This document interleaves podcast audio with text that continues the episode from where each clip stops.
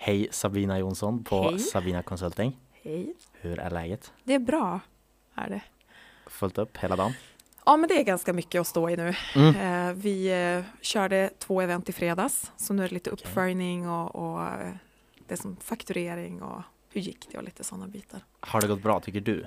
Ja, Det var, vars var det? eh, ett event var i Arvidsjaur. Aha. Eh, då körde de lite ice karts och ice buggies. Det och, såg jag på Instagram. Mm, Ja. Svinkul. Eh, och så var det lite konferens, relaxboende, eh, middag och sådär. Det var egentligen en kick-off kan man säga. För ett Det företag. vanliga. Det vanliga, exakt.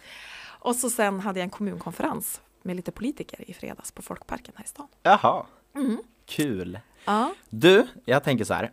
Normalt, precis som jag sa till dig tidigare också, Mm. sitter vi och snackar om arbetsgivare och du driver ett litet bolag, Sabina Consulting. Mm. Drygt tre år ungefär, två, tre år. ja det blir tre år i maj, Ja, så det stämmer ganska bra. så jag tänkte att där kan man djupdyka lite. Ja. Jätteintressant. Mm. Men sen är du en jätteintressant person också. Ja. Och jag ska utnyttja dig och ställa lite så här frågor som man normalt kanske inte kan ställa.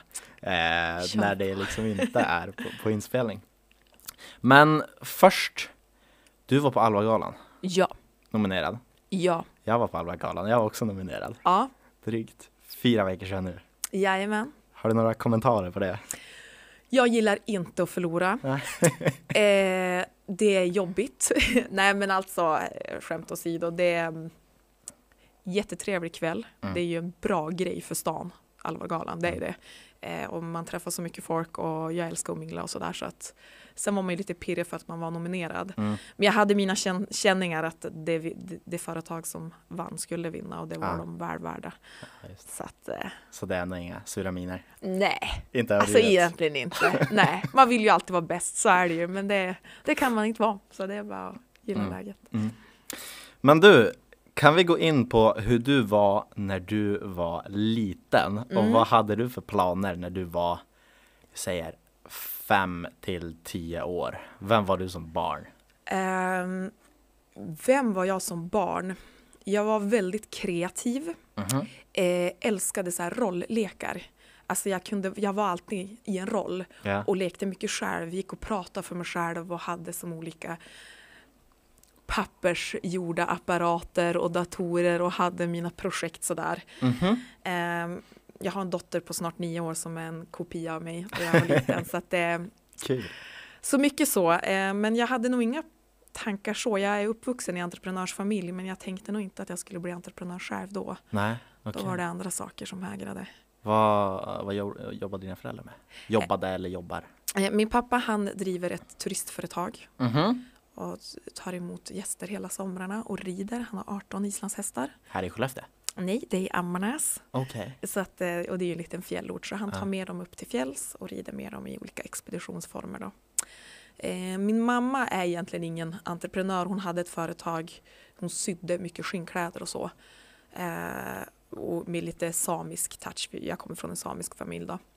Men hon har egentligen mest jobbat, nu är hon lärare idag och lite hotell och sådär. Så Mm. att, Lite hotell sådär. ja men alltså, det går inte att göra så mycket annat i Ammarnäs. Det är riktigt så här turistdestination. Så det är hotell och Ja, ja. turism som gäller. Mm. Men du är uppväxt där då? Ja, uppväxt, alltså jag flyttade därifrån när jag var åt, åtta, tror jag var. Så att jag, då flyttade jag till Umeå, så jag har bott i Umeå i 17 år. Så jag måste väl säga att jag är väldigt mycket Umeåbo i grunden. Du är mer Umeåbo än Skelleftebo? Ja. Tyck- Men alltså det där är ju en jättekänslig fråga. Ja, jag visste inte det om dig. Ja, nej, jag, nej men alltså klart att jag är ju Skellefteåbo. Det är ju så det är. Men jag har ju bott här i tio år. Ja, ja men snart så. Ja. Nå- några år till. Men vad, eh, vad, gjorde, vad gjorde du i Umeå? Eh, I Umeå, så, alltså när jag gick ut skolan så jag var ute och reste lite och ehm, Alltså skolan som i grundskolan eller gymnasiet? ja, gymnasiet, eller alltså jag har inte gått ut gymnasiet egentligen. Nej. Nej. Vadå då? Ehm, därför jag är en stökig unge. Så jag har inget slutbetyg eller någonting. Jag skolkade bort ungefär två år av gymnasiet. Vad berodde det på? Eh, svårt att koncentrera mig, svårt att sitta still. Eh, hade jättesvårt för att fokusera på en sak. Mm. Liksom. Jag har alltid undrat om jag har lite halvdamp. Typ. Mm. Eh, tyckte det var tråkigt. Andra saker runt om var, var roligare och Ja. mer spännande. Så att, eh, Var det något, något du var extra bra på i skolan? Som du ändå tyckte var så här jättekul som du kanske saknar nu efterhand? Eller var det så? Ja, men alltså, jag har alltid tyckt om att skriva Ja. eh, och uttrycka mig i skrift. Eh, och ehm, även uttrycka mig alltså, så här, alltså, Mm, mm. med människor och sådär. Kommunikation. Ja, precis. Jag sög på matte. Vilket jag är faktiskt lite bättre på idag. eh, konstigt nog. Blir det Men, mycket matte idag? Alltså, det, vi räknar ju grymt mycket Ah, varje dag. just det, just Hela tiden Ja. räknar vi. Så eh, siffror och så tycker jag ju är väldigt spännande. Mm. Mm. Ja, men jag känner samma sak. Det, det är som kul, ibland. Ja, Men inte under skoltid när det är liksom, du ska spela inom de här ramarna. Då, Ja, blir, då det- blir det som en helt annan grej. ja, ja men visst. Tycker då, då jag i alla fall. Men när, hur länge gick du i gymnasiet då? Ja, vad, gud, vad blev det? Alltså jag gick ju första året på Midgårdsskolan i Umeå. Och då Mm. var det, det, var, det var stökigt och rörigt. Och jag missade massa kurser och så där, så Mm. jag hoppade vidare till Östra gymnasiet. Och det, det första året där var rörigt. Ja. Det var som sista året som jag kände att, alltså jag, ju, jag är ju en late bloomer kan jag säga. Alltså fruktansvärt omogen, länge. Tog ju ingenting på allvar. Eh, så det var ju typ där när jag började vara 18, ja. 17, 18, 19, vad är man när man går sist år? Som jag liksom insåg att herregud, hur vill jag egentligen ha det? Mm, mm. Är, är det här ett sätt att liksom ta sig fram? Nej, nu Mm. får jag typ skärpa mig. Men då var det ju som lite sent. Vad var det som hände då? Som du bara insåg att nej men, någonting måste göras?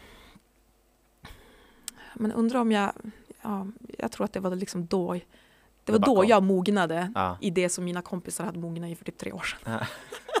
ja, det är helt säkert. Eh, och börja umgås med lite människor som kanske var, var bättre att umgås med där och då. Ja.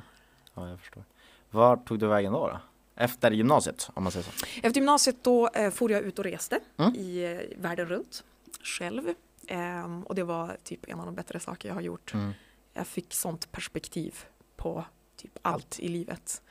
Ehm, Det var inte så mycket internet för, vad är det, 15 år sedan? Nej, ingenting. Nej. Inte för mig i alla Så fall. det var, så här, det, var, det var ingen Instagram du kunde kolla på reseinspiration? Nej, alltså bara du vet så man bara bokade och for liksom. Ja, Jag bokade ju aldrig något boende innan utan det bokade jag ju på liksom, destinationen när man var där och det var ju många gånger man inte hade något boende och älskar det. drog runt liksom typ i Singapore utan någonstans att sova. Nej men alltså väldigt nyttigt. Jag lärde mig jättemycket om människor eh, och eh, kulturer, Mm. hur olika vi är. Eh, vi lever ju som det är väldigt litet här, oavsett var i Sverige man är så är det ju som så skyddat på något vis. Mm, mm, mm. Så det är helt... Sitt- Ja. Nej, nej, det är absolut inte. Jag tänkte på mig. Nej, okej. Men tror du att du fick någonting från den resan som började så här gro inom dig? Ja, det tror jag. Som gjorde att du tog nästa steg? Mm. Som var, Ja, men när jag kom hem så, så ja, jag tror att jag mm, liksom mognade ytterligare men fick liksom en känsla av att jag vill jag vill också klara mig själv och det hade nog kommit till mig lite tidigare sådär. Mm. Eh, mm, när mina föräldrar separerade, det var liksom ingen sån här trygg uppväxt som jag har sett att mina vänner har haft utan mm, min mamma har kämpat ganska hårt. Hade typ tre olika jobb samtidigt och jag och syrran jobbade också för att liksom ha råd med Mm. huskassan. Och, ehm, så jag var nog ändå kring 15-16 när jag började känna liksom att jag måste då i alla fall själv påverka hur jag vill att mitt liv ska bli. Och jag vill att det ska gå bra för mig. mm, mm. Eh, och jag fick ett litet pengafokus där också. Kanske med tanke på att vi hade det lite halvknapert hemma Ah, och sådär. ah. Så jag var så här, jag ska typ, alltså på riktigt, det här låter ju hemskt, men jag ska tjäna pengar. Mm. Det var som så här, så är det bara. Det är väldigt osvenskt. Os- jag skulle precis säga det. Väldigt osvenskt. Men då fick man ju lite det bekräftat också när man var ute och reste. Att eh, där värderar man på ett annat sätt och Mm. man måste ju ta ansvar för sig själv på ett annat sätt än vad man kanske Mm, behöver göra i skyddade Sverige om du förstår Mm. vad jag menar. absolut. Ehm, så när jag då eh, kom hem från resan då, då började jag jobba inom det som jag är verksam i idag. Men då var det ju hotell och konferens mer, turism och så. I Umeå eller genom farsan någonting? Nej, då blev det Sorsele som är så samma kommun. Eh, jobbade på ett hotell där och sen liksom slussades jag vidare till ett biltesthotell. Hur kom du in på första hotellet? Ja, hur fasen var det där? Skicka in ett CV? Ja, det var ju typ något sånt. Jag kommer inte riktigt ihåg, men det lät kul. Jag skickade in en CV och Ingen så här extra? Du, du får dit och bara ställer till en scen och bara, Det här är jag! Petter Stordalen nej, stuk. nej, nej, det gjorde jag inte. Jag var nog väldigt eh, försiktig och chill sådär. Men ja. ja, men jag fick det jobbet. Ja. Och vad sökte du? Alltså vad var själva Eh, Det tjänsten? var receptionist. Just det. Så jag checkade in folk och ställde ordning i konferensen. Och man gjorde ju lite allt. Jag städade ju också. Det var ett Mm. väldigt litet hotell i Sorsele. Mm. Kul. Ehm, Men de ägarna hade ju biltesthotellen där uppe också. Där Audi och BMW och de kommer och testar i kallt klimat. Så då fick jag chansen att eh, bli eh, receptionist och konferensansvarig på säsong Mm. på ett av de hotellen. Och det här hotellet som jag hamnar på det är ett sånt här hemligt hotell. Så det finns inga skyltar, ingen vet var det ligger, det finns ju ingen adress och så har man tystnadsplikt i tre år. Får man inte prata om bilarna man ser. Det är prototyper. Jaha, Mm. jag tror med så här första hotellet. Ja, De vill men- inte ha några gäster. nej, nej det, det, är, eh, det är alltid så här Ja. fullbelagt på säsong Ja, av det. Audi och BMW. Men du får nämna det här.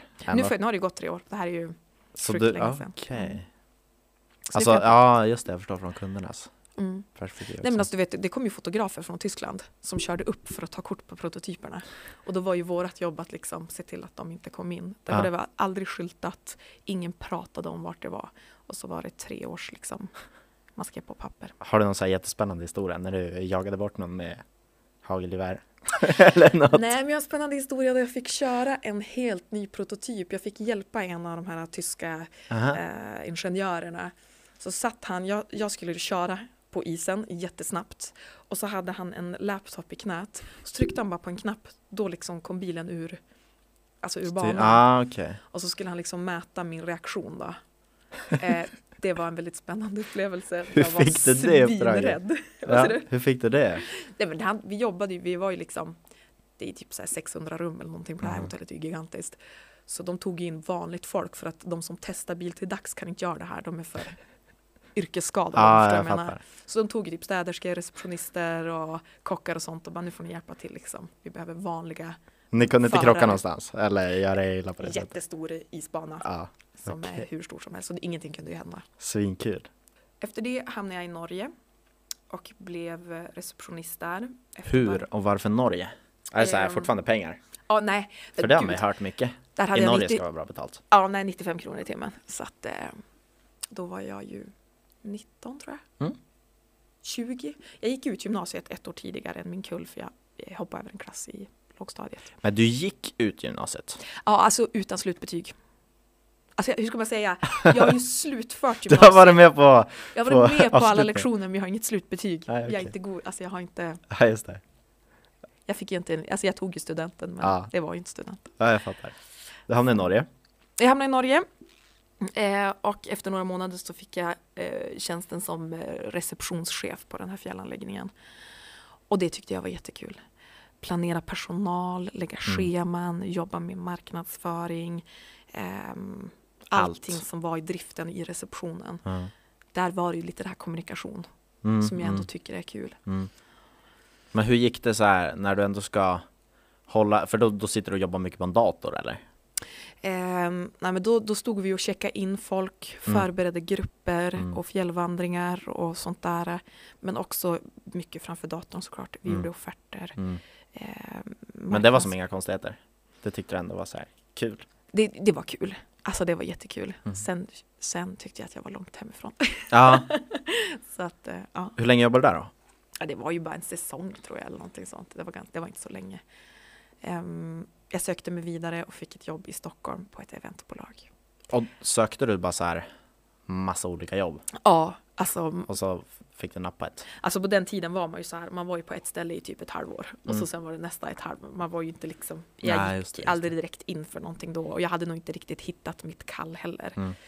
Ehm, men ehm, Men så här, sökte du all, alla möjliga jobb? nej, det gjorde jag inte. Det var inom den branschen? Ja, jag sökte faktiskt till, ehm, så här var det, jag sökte till Djurnäset heter det som är en konferensanläggning i skärgården i Stockholm. Mhm. eh, och fick det jobbet. Och i samma veva som att vi liksom diskuterar typ, jag hade inte skrivit på, men det var liksom typ klart. Mm. Då ringer hon som heter också Sabina som har rekryterat mig till det här jobbet och bara du, har du skrivit papper än? Och jag bara, men det är typ imorgon. Hon bara, jag har ett jobb som du ska Mycket ha, bättre. som är Ja. mycket bättre och det är på ett eventbolag här inne i stan. Eh, Nice! Sämre betalt, men sjukt mycket roligare. Ja, verkligen. Så då tog jag det. Vad var det för bolag? Vad Det hette Blickmöteskonsult. Finns det kvar idag? Ja. Okej. det. Hatar ni varandra? Nej, det gör... Alltså det här är ju bisarrt länge sedan. Ja, 06 började jag där och jag slutade 07. okej. Vad är det för år nu? Alltså det här är ju... 2020 va? 14 år sedan. Ja. För, vad blir det? Ja, något sånt där. Och fortfarande inom, eller blev det massa nya uppgifter då? Ja, då blev det ju mycket nya uppgifter, men de uppgifterna jag gjorde där är väldigt likt det jag gör idag. Mm. Men det var mer riktning mot, alltså det var ju mer en mötesbyrå, men, de, men projektledning av galor och mässor, eh, Ja, konferenser. just det, mötesbyrå på det sättet. Ja, så det var ju väldigt likt det jag gör idag. Mm. Men då, då jobbar du ändå som anställd. Mm. Tycker du att du hade bra så här ledarskap under din, din tid mellan 2000 till 2010? Eller så här, hittar du grejer som du ändå vill kanske förbättra? Klart, Ja. man vill, ja, ja gud ja. Ja. Eh, jättemycket som man ville förbättra. Eh, och jag tyckte att det var ett ganska, de var inte så moderna. Mm. Jag kände liksom att det här måste det gå att göra någonting bättre av. Eh, jag har alltid stått väldigt mycket för energi och glädje och alltså Mm, det ska vara krut när man gör grejer, man ska vilja. mm. Ja, man kan inte bara sitta framför en dator alltså det, nej, alltså det måste Passion. passion Ja. i jobbet är superviktigt. Och tänkte jag liksom att det, ska, det vill jag ändå införliva i det som är min produkt. Mm. Men redan 06 då började jag fundera på företaget Mm. som jag har idag. Sjukt mycket erfarenhet. Ja, det är länge sedan. innan. Men du knöt jättemycket kontakter i Stockholm då eller? Hur funkar det? Var det som i din lilla egna bubbla, vi ska göra allt inom företaget? Eller testar du även så här dina vingar lite själv och bara så här diskutera med potentiella kunder om, om hur branschen ser ut? Mm. Oj, bra fråga. Ehm, jo, nog var man ju lite sådär och pratade med kunder och men allting gjordes ju i bolaget Mm, där och jag mm. in, inte på något sätt att jag började liksom fila på Nej. en idé. Men det fanns här bak hela tiden. Och jag visste att det finns inget riktigt bra eventbolag i norra Sverige. För det gör det typ inte. Ja, kanske idag att det har ploppat upp lite fler, men på den tiden fanns det verkligen inte. Nej, just det. Så jag var ju där till, eh, ja, jag kommer inte exakt ihåg. Ja, det var ju någon gång i slutet av 07 måste det ha varit. Mm. Vad är det för konkreta uppgifter som man har under i ett sådant bolag? Det måste vara Offerer. jättebrett. Det är Men, väldigt brett. Offerering, eh, nätverka och sälja, eh, mycket att räkna hem affärer. mm, Eh, där var det väldigt mycket visningar. Alltså vi åkte ut till konferensanläggningar i princip varje dag och tittade på produkter som vi skulle kunna sälja till våra kunder. mm, mm. Eh, Men jag satt som eh, kundansvarig. Sen hade vi ju projektledare och liksom olika roller Mm. sådär. Så mitt var ju mycket i kontakt med kunden och så sen sätta ihop förslag. Men jag var mm, ytterst sällan på plats på eventen. Nej, just det. Jag satt mest och förmedlade liksom. Ja, ja. Sådär. Men det ska vara sjukt stressigt, eventbranschen, vad jag hört. Jag såg, du la ut något för typ så här ett, år sedan eller något så här. Det var någon lista, topp mest krävande eller stressiga jobb eller Mm. liknande. Japp. Och det var så här, event, eller va, är det liksom event och vad, vad kallas branschen? Ja, event och mötesbranschen kan man Ja, väl säga. precis.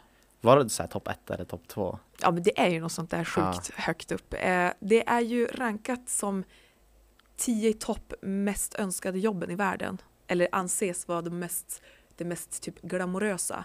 Men det här rankas ju av människor som inte vet Ja, vad det är. eller hur? Ja, ja, ja, för det är ju sjukt slitsamt. Vad skulle du ranka det? Topp 100?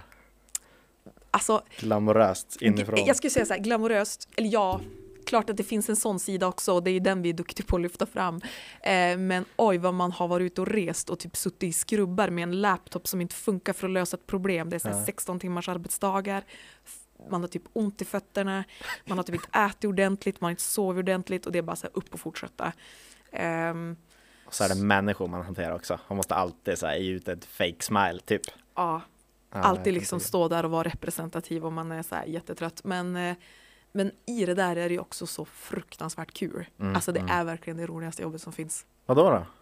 Ja, men, eh, även fast det är slitigt och så, så man gör aldrig samma sak. Det är spännande människor man träffar, alltså både branschmänniskor Mm. och kunder. Det är som så här, det finns alltid en historia varje dag. Eh, och eh, man utvecklas jättemycket som person också, så får man ju se Mm. så mycket platser runt i hela världen. Eh, som gör att man, ja, Du ser det som ett perfekt komplement till ditt eget liv. För ja de sakerna du inte gör personligen. exakt. Ja. Ja. ja men det är väl så det ska vara. Alltså bara, bara få massa möjligheter. Det är, väl, Mm. det är väl ändå därför man väljer olika typer av karriärvägar. Eller så väljer man en som man redan tycker är svinkul och så håller man sig i sin lilla bubbla. Men jag, jag kan ju absolut förstå att ja, men, vill man uppleva så mycket som möjligt så måste det vara en fantastisk bransch att, ja, att jobba inom. det är det. Och det är lite, ja men det här du säger, jag tror att jag lever ut min Mm. privata person Mm. på ett sätt i mitt yrke, även fast Mm. jag har väldigt olika personligheter, Mm. Privat och jobb. väldigt. Men så du känner ändå att du har fått, alltså hur många olika jobb, vi behöver inte hoppa in liksom i varje och varje och varje företag du jobbar inom, men hur många har det varit? Alltså du vet, jag har inte varit så många. Det låter som att vi har bara kommit till en tredjedel. Det är 2006, 2007? Ja, 2007 är vi på nu, men Ja. eh, jag startade ju 2008 och sen har det som egentligen inte varit så mycket sedan dess. Okej, vad, Ja. va, okej, vad, vad händer nu då? Från att du jobbar på det där Stockholmsbolaget? Ja, men jag är på Stockholmsbolaget och eh, börjar ju liksom eh, sitta och kolla lite hur marknaden är i norra Sverige. Ehm, säger upp mig, åker hem. och Hur gick det att säga upp dig? Nej, men det gick bra. Eh, de, jag vet inte om de var så nöjd med mig heller. Jag tror att det var liksom, men jag, jag kände, alltså Stockholm i all ära, men jag hade hemlängtan tror jag, Ja. lite grann sådär. Inte i jobbet, men jag hade inte liksom hunnit etablera något direkt privatliv där, Mm. utan det, jobbet tog ju all tid.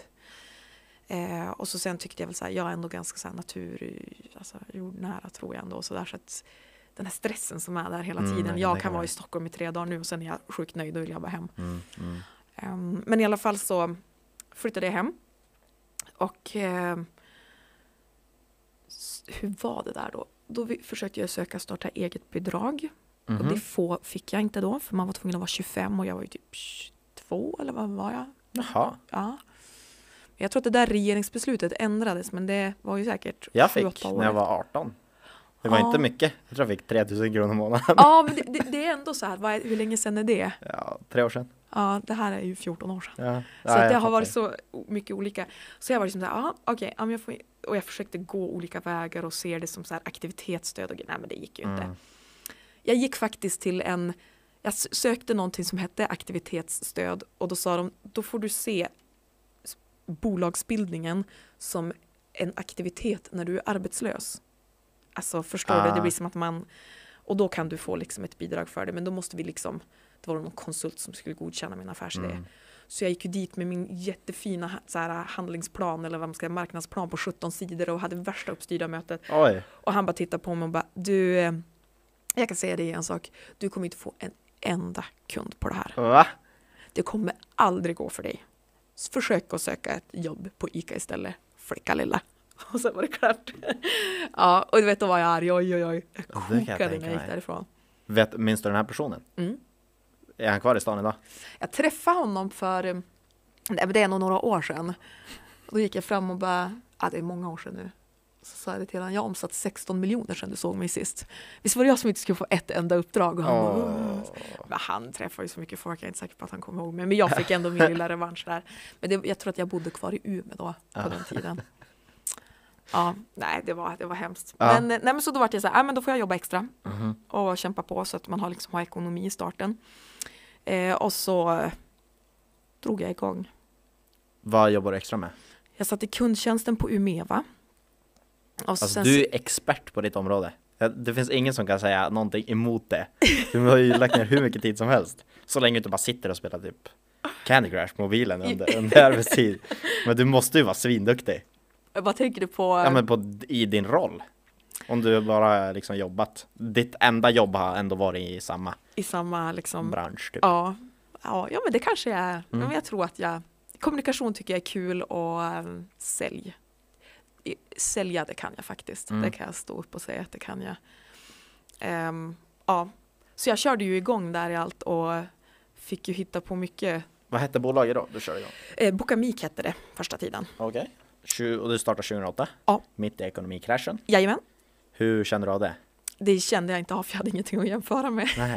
Så det var liksom ehm, Men det gick ändå att få kunder? Ja, alltså första halvåret så omsatte jag 10 000 och andra året 4,2 miljoner. så att, eh, ja, men jag tycker att det ändå Det var lite skillnad. ja. Men vad, 4,2 miljoner, var det massa olika kunder eller fick du in en stor kund? Eh, Det var massa olika kunder. Okej. Eh, Jag skulle nog säga att vi har nog aldrig egentligen haft någon stor, stor kund som bara har liksom Mm, bokat mm. för typ så här 6 miljoner per år. Utan det har ju alltid varit Mm. eh, Ja, en, kombination av kanske 10 storkunder som det har rullat och så. Mm. Liksom. Var det en typ av sidperiod, din första?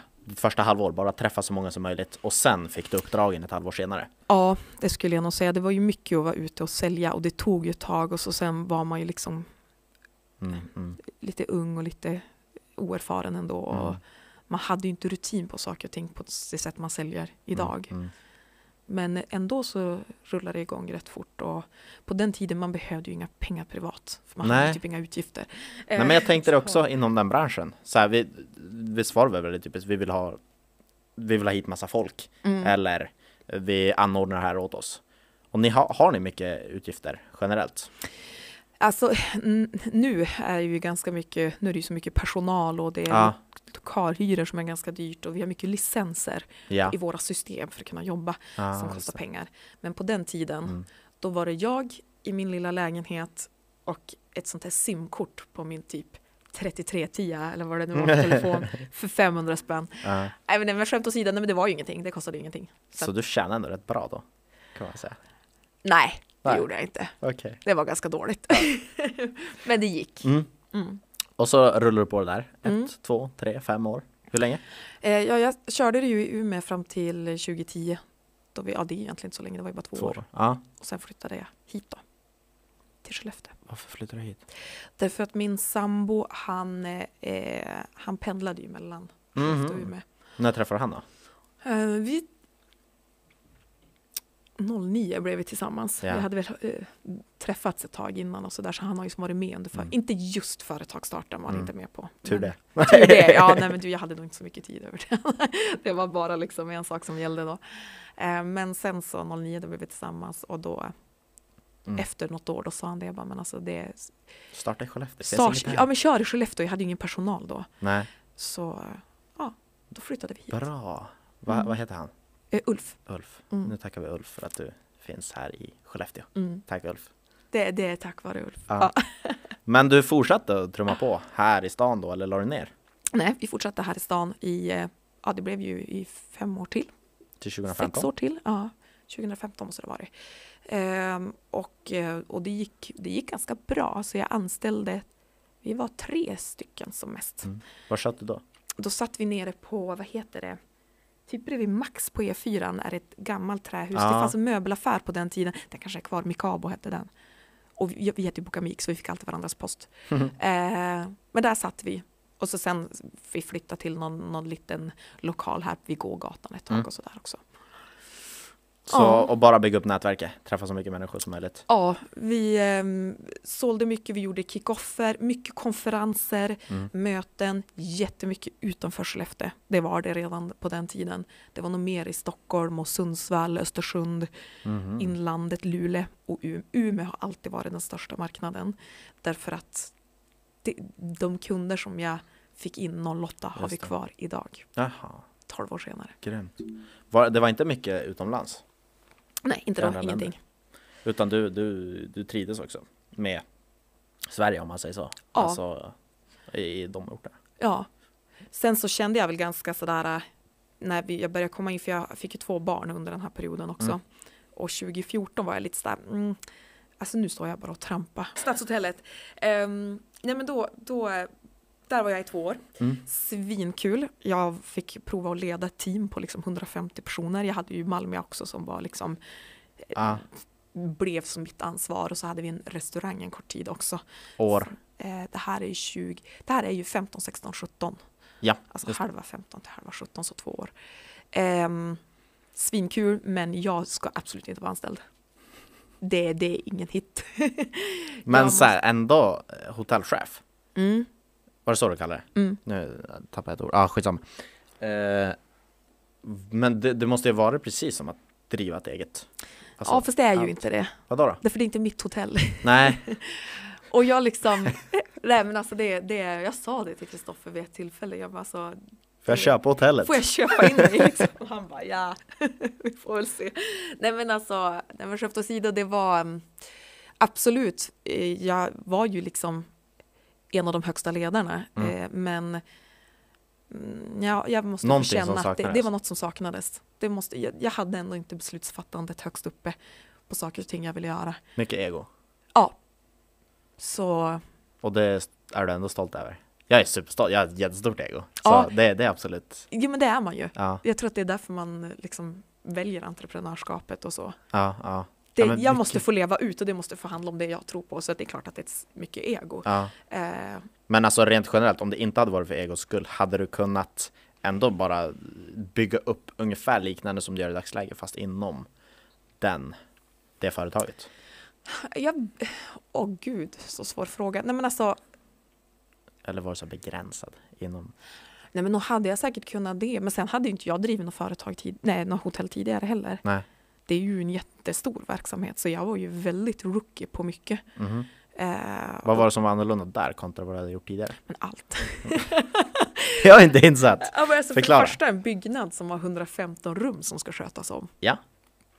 Eh, Med städning och det ska fungera. Jag hade ju sju eh, liksom, områdeschefer under mig. Som ska ha stö- stöttning och coaching och fatta beslut i det. Det jag tyckte var svårast var köket. Mhm. Det är så mycket kring ett kök. Det är så mycket kring hälso, alltså miljö, mat, regler eh, och, och vad maten kostar och hur, mycket man, hur vi ska Mm. sätta menyer för att det ska gå runt, marginaler. Alltså det är jättemycket i ett kök. Så det var, det var nog den svåraste. Och så sen nattklubben, den var inte så svår, den var bara inget kul. Ja, Jag ja. brinner inte för liksom nattklubbsverksamhet. Nej, du har Jag- tillräckligt stressigt ändå. Ja, men jag kan jättegärna, liksom så här som nu, jag, i företaget jag har nu så kan jag jättegärna liksom komma och göra ett nattklubbsgig. Det skulle Mm. vara svinkul. Men inte att driva en nattklubb. Nej, Inte du. nej. Och det där hotellet var ju stort liksom. Det var ju nattklubb, konferens, två restauranger, 115 rum på Statt och 100 på Malmö. Mm. Så, ja, Och då var det 2018, var det då du slutade? 2017. 17. Mm. Och då hade du bara bestämt dig, nu ska jag köra mitt eget race. Ja, jag sa upp med onsdagen innan skärtorsdagen 2017. Så det var på påsken. Och när, vänta nu, var det? Jag drog ju också igång hösten 2017. Ja, Eh, Jag gick ut, jag gick ut skolan när du slutade på Stadshotellet just det. och flyttade till TGN. Ja. Jag tror jag flyttade dit i juni, Ja. hade fått allting i ordning. Mm. Eh, och så sitter jag där och jobbar en kväll, typ så här i juli eller någonting, juni, juli. Och så bara, har jag sett någon, någon artikel som Megafonen gjorde? Så här, jag bara, fan, men hon verkar ju framåt. Ja. Kanske skulle träffa henne. och så bara kommer det in och så här, klockan är typ åtta på kvällen. Hon bara kommer in och så bara, tja, jag ska bli din eh, bordsgranne här. jag bara, ja, vad heter du? Sabina. Jag bara, Ah, du är Sabina. Just det. Och då slipper jag ringa henne. Då, Ja. då blir det, ja. Men shit vad du minns. Ja, nej men du, man är ung. Ja. Nej. Ja, men, Nej men, eh, och det var väl där och så kommer du in med hela, hela familjen. Ja. Och så, Ah, gud. där började det. Ja. För Men du hade ju, precis, men du hade ju suttit där innan, innan vi kom in, det minns jag ju. mm, någon månad i alla fall. Mm. Vad bra, bra det. Men hur gick den resan då? För då, då ville Megafonen skriva någon reportage om det. De kände redan till dig då eller hade du bara sagt jag ska göra det här? Ja, det var, inte, det var nog inte megafonen utan den tidningen du Ja. tänker på var nog, vad heter den? Eh, Guiden. Skellefteguiden. Ja, det. just det. Eh, nej men ehm, det gick sjukt fort Mhm. där. Oj, himmel vad det rullade på. För grejen var den att jag tror att när jag, hade, när jag väl hade tagit beslutet att säga upp mig, jag jobbade kvar lite längre än uppsägningstiden. När sa du upp dig? Eh, Jag sa upp mig eh, på påsken och jag slutade ju i maj. Jaha, ja. okej. Alltså det var typ två månader jag var kvar eller någonting. Eh, men han hittade en, en, en ersättare ganska fort Mm. och jag hjälpte in henne lite grann sådär och sen gick jag. Micken. Sorry. Bra, men du kan bara ta bak micken lite grann. Och så, ja. Ehm, och då, nej men då, då började jag ju och jag matade ut, alltså jag var på alla sociala medier och bara nu ska jag synas i sinne alltså liksom, för Mm. det här ska bara ske. Det är ju fint att ha varit entreprenör tidigare, därför att det, Man var, bara, det var bara att plocka upp papperna igen och köra, egentligen. Det fanns som inga frågetecken, det gick sjukt snabbt att bilda bolaget och eh, skriva liksom, alltså webbsidan, ploppa Mm. bara upp den var kanske inte snyggast men den fyllde verkligen sin funktion och den Och du kunde göra allt själv också. och jag gjorde allting själv. Ja. Eh, och eh, ja. Och då var det ju den där perioden då vi kom in och träffades, då hade vi precis typ skrivit avtal med TGN att bli deras eventpartner. Ja. Så att vi gick ju in och roddade lokalerna där, bokningssystem, bokningsrutiner. Ni fick det från början? Ja. Eller du måste ha sålt in det själv bara? Ja, det var med, med Jonny Högberg Ja. på Science, eller han, han är ju chef för Science City men då teg han under som ett projekt. Ehm, och när jag då fick, fick på papper, Mm, då rekryterade jag in en tjej på 50 procent. mm, just det. Och, så, Och det var då ni drog igång va? Och då körde vi bara som attans. Hur var första halvåret då? Det var ju sjukt stressigt. Du var ju där hela, hela, hela, hela tiden. Det var sjukt stressigt men det var så fruktansvärt kul. Mhm. Oj, oj, oj. Det är en av de roligaste tiderna i mitt liv. Alltså vi gjorde, och vi for ut och reste och det var det var ju då vann jag ju hem ett kontrakt också med Connections, de, eller Jacobs Media Group heter egentligen företaget.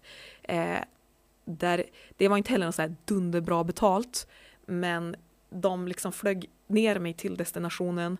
Jag skötte om eh, hosted buyers listor, utställarplatser, alltså allt, allt sånt Mm. mässarbete. Och så hem och så iväg på nästa och sådär. Och det där hade nog kunnat rulla på rätt rejält. Men jag, alltså jag, det var ju typ så här äh, fyra utländska event i månaden. Men alltså du vet, jag har två små barn och jag tror till och med jag sa det i den här artikeln som du tänkte på, liksom, att jag, jag fick ju liksom börja tacka nej till dem. Mm. För det var för lite pengar i det och jag kunde inte skicka min kollega, hon hade inte den typen av bakgrund heller. Nej, nej. Så att ehm, det blev lite tungt sådär, så Mm. att jag gjorde några till. Men sen, Men då satt ni mycket och ringde potentiella kunder och Mm. gjorde bara det här sidarbetet. Ja. Försökte, bygga upp relationer igen och säga att vi finns tillgängliga. Ja. Ni hade ingen så här koncept som ni själva ringde och sålde in utan det är alltid på kundernas egna initiativ. Jag skulle säga att det är eh, 80% på kundernas egna Mm. skräddarsytt. Men sen säljer vi paket också Mm. på, Okej. som, som leverantörerna redan har kan man säga. Ja. Men då måste ni hoppa in på, för tidigare då jobbar du inte internationellt. Nej. Men nu gör du det väldigt mycket. Mm. Vad är det som har gjort att du vill gå över dit? Eh, när jag startade Sabina Consulting, alltså precis när jag liksom sa upp mig, då var det så här, vad ska jag göra nu? För kallt i Skellefteå. Ja, som, ja men exakt, och, och som är så här, eh, ba, du är bara ego, rakt av. Vad älskar jag mest? Ja. Vad är jag bra på och vad vill jag göra? Jag älskar att resa. Mm. Jag älskar att vara på varma platser. Jag har reumatism, så när det är vinter i Sverige då har jag alltid svinont i lederna. Det är hemskt. Så jag, är så här, jag har aldrig ont när jag är utomlands där det är varmt. Liksom. Så jag var så här, ja men det här ska jag göra. Eh, så att jag kontaktade en tidning i Stockholm och började skriva resereportage till dem och så kom det här med connections igång och så det vart bara som alltid en enda gröt så hade vi TGN också och så sålde Mm. vi fortfarande för Kristoff, alltså Pete Havsbad Group Mm. på ett kontrakt som också var per månad. Så vi hade rätt mycket rull då. Mm. Och så sen fick vi ju hem den här riksdagskonferensen, alltså när Stefan Ja. Löfven var här. All, alltså allt det där, det var ju typ sex månader av en gröt i huvudet. Jag kommer knappt ihåg Var det när. så länge sedan? Det, det var då. Mm. Eller alltså den Ja. konferensen var ju februari 18, men det var ju som Två år första, sedan? ja, första svängen. Ja, ja jag fattar. Ja. Men då, men då satte du också eh, det ni sålde in, det krävde också att du tog dig dit. Det var så här, du kunde inte jobba från Skellefteå. Nej, eller ja, jo men vi hade, jag gjorde mycket i Portugal Ja. eh, där jag bara satt här hemma. Eh, och så gjorde vi lite grann i Malta också, Mm. eh, där vi satt hemma. Varför just de två?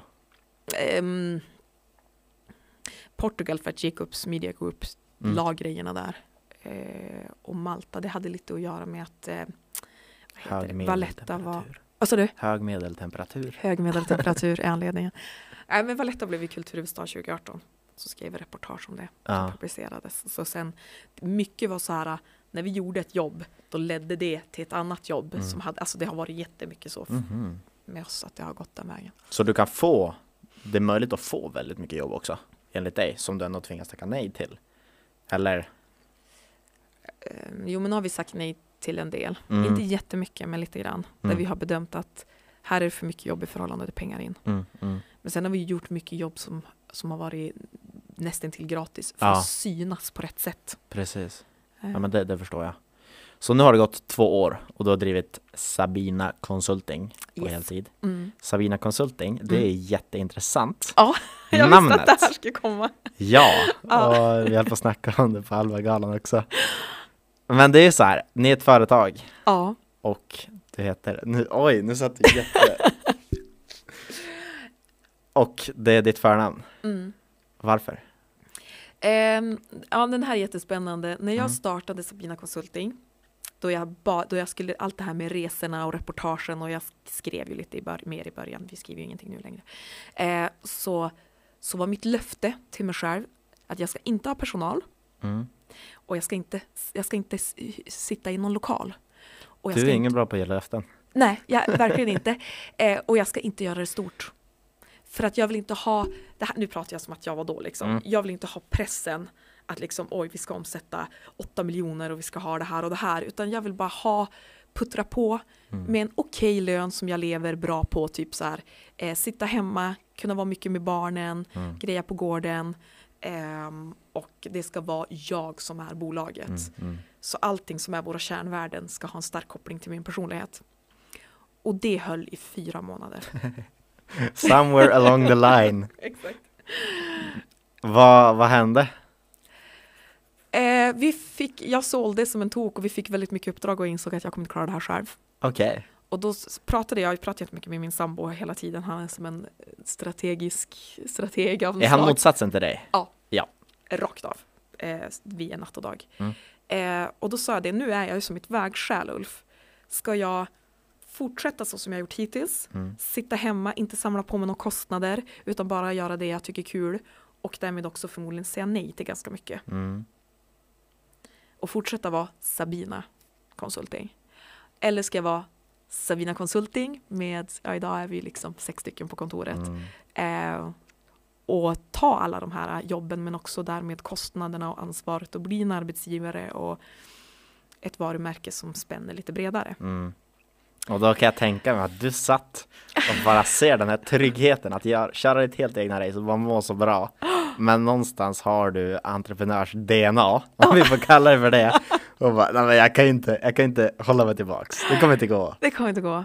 Och det var bara det? Eller varför valde du det? Jag vet, alltså det, var, jag, det är ju skitjobbigt att säga nej. Ja. Alltså jag har några vänner som är, eh, framförallt en kvinna som jag, ehm, vi eh, var lärare på yrkeshögskolan tillsammans. Vänta, va? Vad sa du nu? Ja, jag har varit lärare på yrkeshögskolan under Sabina Consulting-tiden. Japp. Okej, Ja. just det. eh, i conference management och revenue management eh, under ett år. Och hon är ju en sån, hon är ju exakt det jag ville bli. Hon sitter hemma, hon har en bra lön, eh, hon tar de jobb hon vill ha och som hon känner att hon kan göra bra. Och hon får förmodligen mycket mer förfrågningar än det hon gör. Men Mm. hon har valt att liksom, Mm. det ska inte bli mer, så hon är ganska anonym. Ehm, men jag, nej, det, det är nog lite det här du säger, det, det går som inte Nej, att stanna. nej. Jag kan inte stanna. Jag vill så mycket. Men var det ändå så här att du satt, och, du satt i flera veckor och bara så här tänkte eller blev det Ja. som ändå att när du, när du ah, okej. Nej, jag tänkte nog ganska länge på det. Vad var det som, hur, hur gjorde du då? Hur bestämde du dig? Punktlista. Plus minus. Åh, Gud. Alltså jag är ganska ostrukturerad i mina beslut. Ja. Alltså jag försöker vara lite sådär punktlista för och eh, nackdelar och lite så. Men jag gick nog väldigt mycket på magkänslan. Ja. Och så sen kände jag så här, det är så mycket glädje i det jag gör just nu. Mm. Tänk om jag kan dela det här med fler. Mm. så Och du blir- kan ju alltid gå tillbaks sen. Exakt. Det är ju inget så här att nu måste det vara så här för all framtid. Nej. Ehm, men jag ville dela det med andra människor, det vill säga Ja. mitt team. Mm. Ehm, Ja, Ja, men ändå. så. Hur har de här senaste två åren varit då, rent generellt? Är det liksom, det är bara skitbra nu, skitkul? Ehm, de här två åren har varit de yrkesmässigt roligaste och bästa och mest givande åren i Mm. hela mitt liv. Mm. Det kan jag verkligen säga. Med marginal. Mm. Så fruktansvärt kul och så mycket som vi har gjort och så mycket som vi har lärt oss. Det har absolut varit tungt. Jag hade en, bo, jag hade, det var nog hösten 2018. Då var det lite så här, Mm. nu skulle jag behöva vila. Eh, och en av mina kollegor, hon, vi flög från Barcelona när vi hade varit på någon grej där och hon bara, så Sabina du måste typ, du, du, det här, du kommer inte orka. Nej, nej. Du måste chilla ner. Men då var det rätt nära julen. Mm. Så det är en sån där period då, då jag höll på lite grann att nästan bränna ut med. Och så sen är det faktiskt, nu har vi det jättetungt. Ja, just det. Vi känner av lågkonjunkturen grymt mycket just nu. Vad kan ni göra åt det? Eh, vi har lagt eh, typ egentligen he, he, det år som, den tid av året som har varit Mm. på kampanj och sälj. Eh, varit ute i sociala medier och vi har ryckt i alla trådar av kontakter, jag och våra nuvarande säljchef och sådär. Eh, men vi får liksom inget gensvar och vi har jobbat hårt, framförallt hon har jobbat extremt hårt med Mm. att nå ut till potentiella kunder. Men det är, det är, det är Mm. stödmarknad alltså. Är du så här, det är klart du är nervös Mm. för det, men du ser det också som en sjukt rolig utmaning? Eller är det bara så här, nej? Eh, först under tiden när vi försökte som mest och man bara, alltså, vi, vi får inga uppdrag, alltså vad är det som händer? Då blir det bara negativ stress, då blir det Mm. bara så här jobbigt, alltså då sover inte jag. Och det, alltså, Mm, mm. det, det, är baksidan av att vara egenföretagare. Det är fasen inte kul. Mm. Då mår man bara dåligt.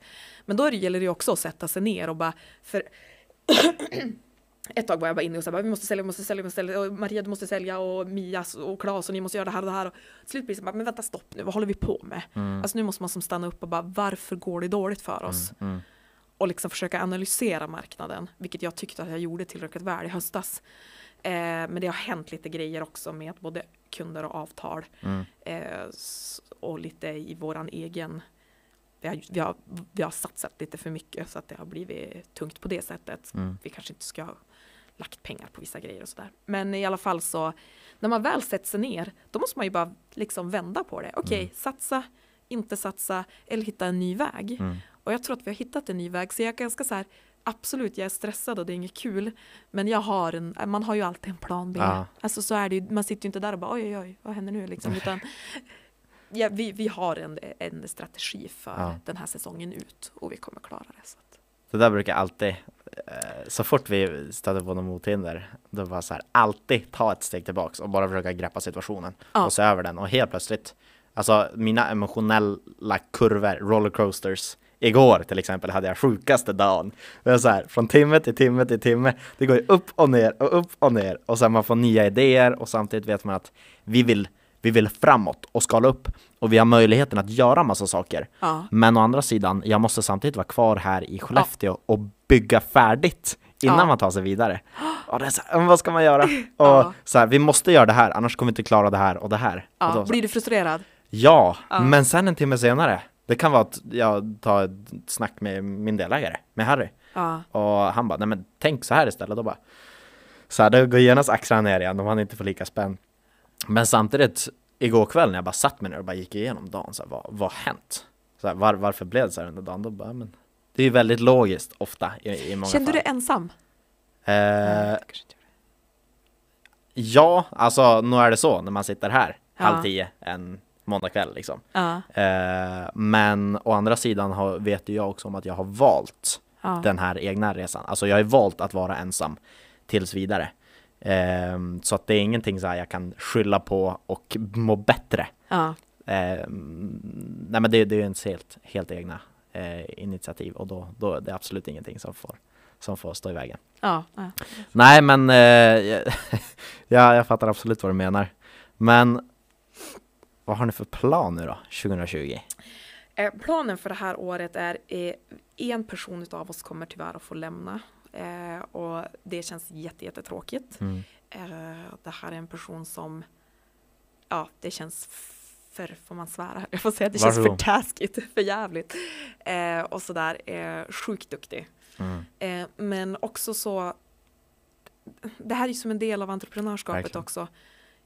Vi skulle inte ha gått så hårt ut i förra året som vi gjorde, för vi, gjorde ju, vi kommunicerade ju väldigt mycket i sociala medier och Mm. också ute bland människor att nu kör vi. Mm. Nu vi ska liksom 2020, vi satte ett, ett mål på en omsättning som var extremt hög i förhållande till förra året Mm.